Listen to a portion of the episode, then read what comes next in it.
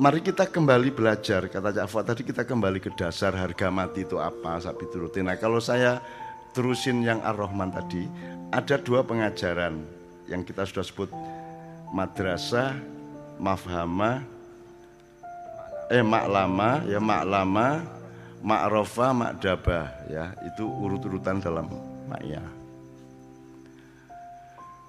Siapa pelakunya dalam surat Ar-Rahman itu? siapa maha pendidiknya itu siapa? Maha pengajarnya, maha gurunya siapa?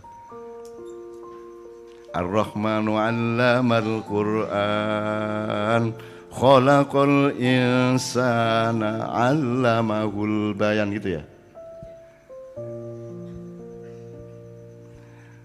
Subjeknya Ar-Rahman, pelakunya Ar-Rahman.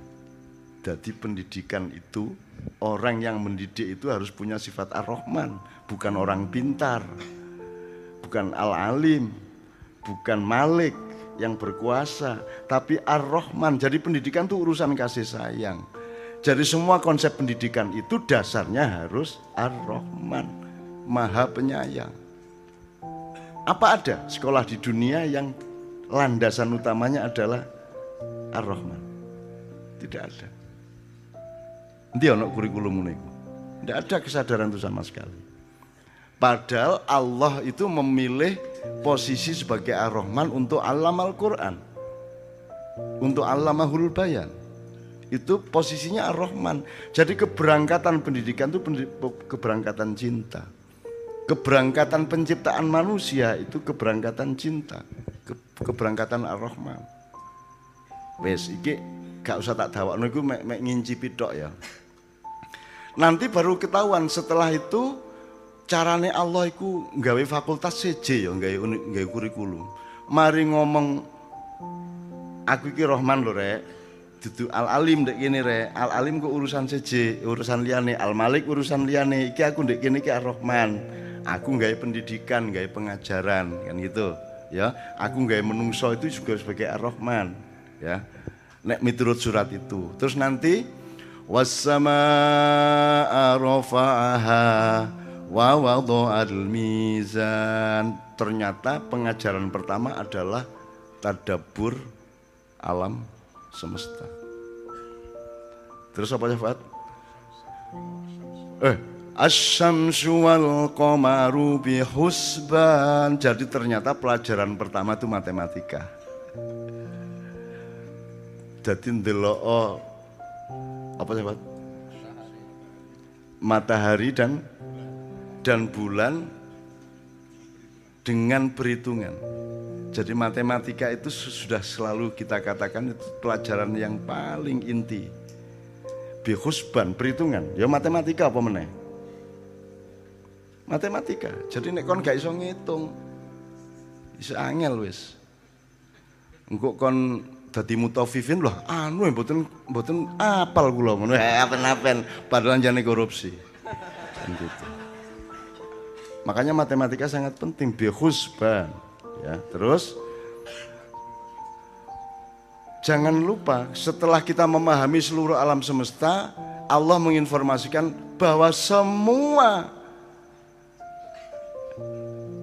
benda atau makhluk Allah yang berupa jagat raya alam semesta ini yasjudan. Dan Allah menyebutnya puitis, cukup dikasih dua contoh, wan najmu wasyajaru. Bintang-bintang dan pepohonan. Oh, maha penyair luar biasa. Bintang-bintang dan pepohonan bersujud. Kan gitu. Saiki nek wong modern wis takono wis. Lah nek wit sujud lak melengkung ini. Iya tak Mas?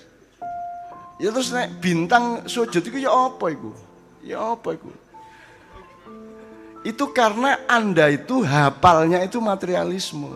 Kan hafalnya itu yang kasat mata. Semua kamu ukur sebagai materi. Sampai surga pun kamu ukur dengan cara berpikir materi. Sampai Allah pun kamu materikan sembayang pun dimaterikan pokoknya sembayang jam sama ini ndek kene iku oleh ganjaran saat ini matematikanya itu dipakai untuk golek badi badi. Mari kita sholat duha bersama. Karena kalau kita sholat duha maka badi ini, sa ini, sa ini, sa ini. Badi. Dadi engko nduk swarga ngerakoti ya bendino. Wah. Wah, mbuadok kan ndek ngene. Sama mangan apa? Wah, badiku akeh aku ben. Wah, aku tawaf iku. Padha karo sembayang ping 1000. Wah, saiki tak krakoti badiku. Oke, pokoknya intinya gini kalau mohon sebelum saya ngomong yang terakhir ya. Intinya sebelum kita tanya jawab. Jadi setelah Allah memberi landasan kenapa saya menciptakan manusia itu aku sebagai yang maha pecinta yang maha penyayang. Kan itu. Maka aku menciptakan manusia. Maka kemudian aku mengajari manusia. Dan itu juga dalam rangka cintaku dan rangka kasih sayangku. Lah ngono rek. Mari tak buka no didik rek. Kilo deloken matahari dan bulan. Hitungan aku pelajaran nih mata pelajaran hitungan itu ada perhitungannya. Kadang-kadang aku ingin menjadi matahari. Dan aku ingin melakukan revolusi sehari aja. Ngono aku tahu mikir ngono Wong-wong lho. Kepada sesama manusia lah sering memperlakukan seperti kepada matahari. Kon kon esok-esok iling sering ingin kon. Pokoknya kon berkepentingan terhadap padang wis ngono tok to. Wis marung gak iling nek ana srengenge. Ku srengenge saiki mau loro ati. Diajuk arek-arek.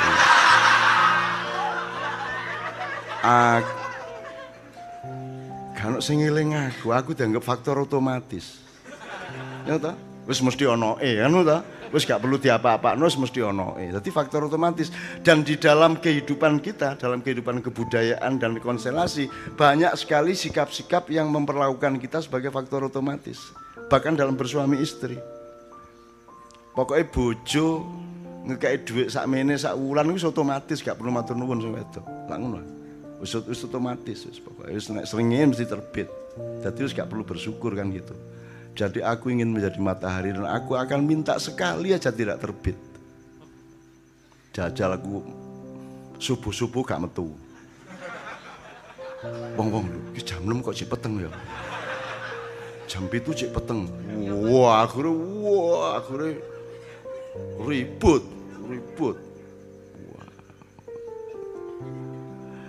Dan ternyata resikonya kalau matahari tak terbit berarti ada perubahan husban toh, perubahan hitungan dan putaran. Berarti kiamat yang itu jadi kau niku ilingo ruo bahwa seringnya iki nggak kiamat gampang. Leren dilu seringe berontak titik. Gusti mboten purun kula, arek-arek gak usah eling Kula tak meneng mawon sakniki, mboten kula. Gak tak pokoke pisan iki tok ampun, sampai sore kula mboten terbit. Wes. Kiamat kon. Mesti ribut ya karo-karuan sak Indonesia ya. Tuh gak ono srenge, gak ono srenge, gak. Wah, akhirnya dadi viral. Terus Om telat, Om. Srengenge ini gak metu sing metu malah malaikat Israfil telolet.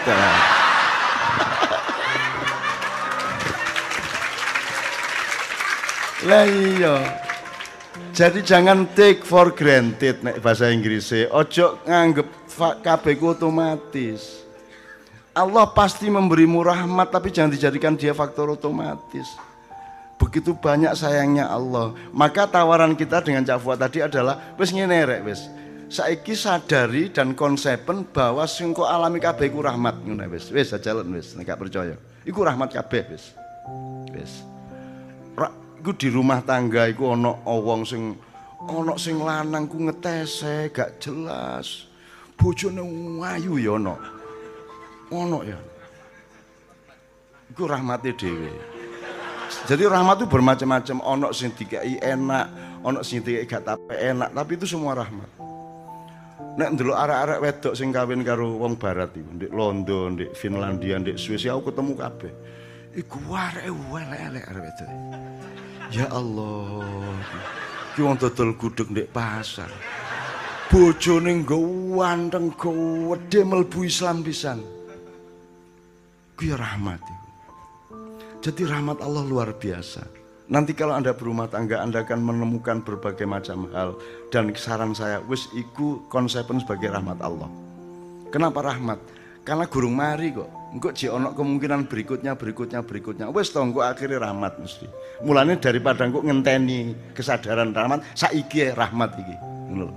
Kayak zaman Cak Sot, Markesot dandani mobil nggih kitirane dirijine kenek apa iki ini copot apa iki lho kuku copot kuwetien corone iku terus di enak ya koyok sate kerang gue Marquez. Artinya dia dia langsung itu rahmat Allah. Udah. Wis enak wis urip ngene iku. Suatu hari Mbak Via sebelum jadi istri saya dulu ke Menturo dan aku nek mulai nang Menturo kan mesti ndolek cak sot cak Marquesot di, di Farid Marid celuk cak sot cak rene goncengen nggih. Terus Marquesot digonceng Farid teko dalam keadaan kayak gini niki ono bola benang nyantol gini iki jadi iki model apa iki ono cangkem ono ono bola Lah bingung Mbak Via bingung kabeh aku bingung. Lho apa cak sampean niku cangkeme? Aku iki pas kate njabut untu kok celuk. Ya apa coba?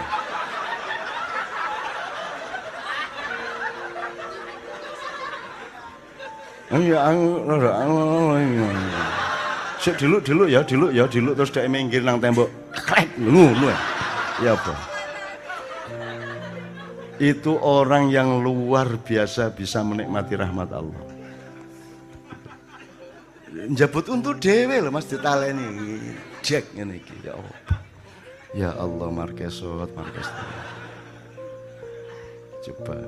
Nah, menurut saya teman-teman sekalian, yuk tahun ini kita nikmati rahmat Allah. Wis kabeh rahmat Allah. Nanti teorinya pelan-pelan. Dalam 12 bulan itu kita akan pelan-pelan karena kita akan lebih spiritual.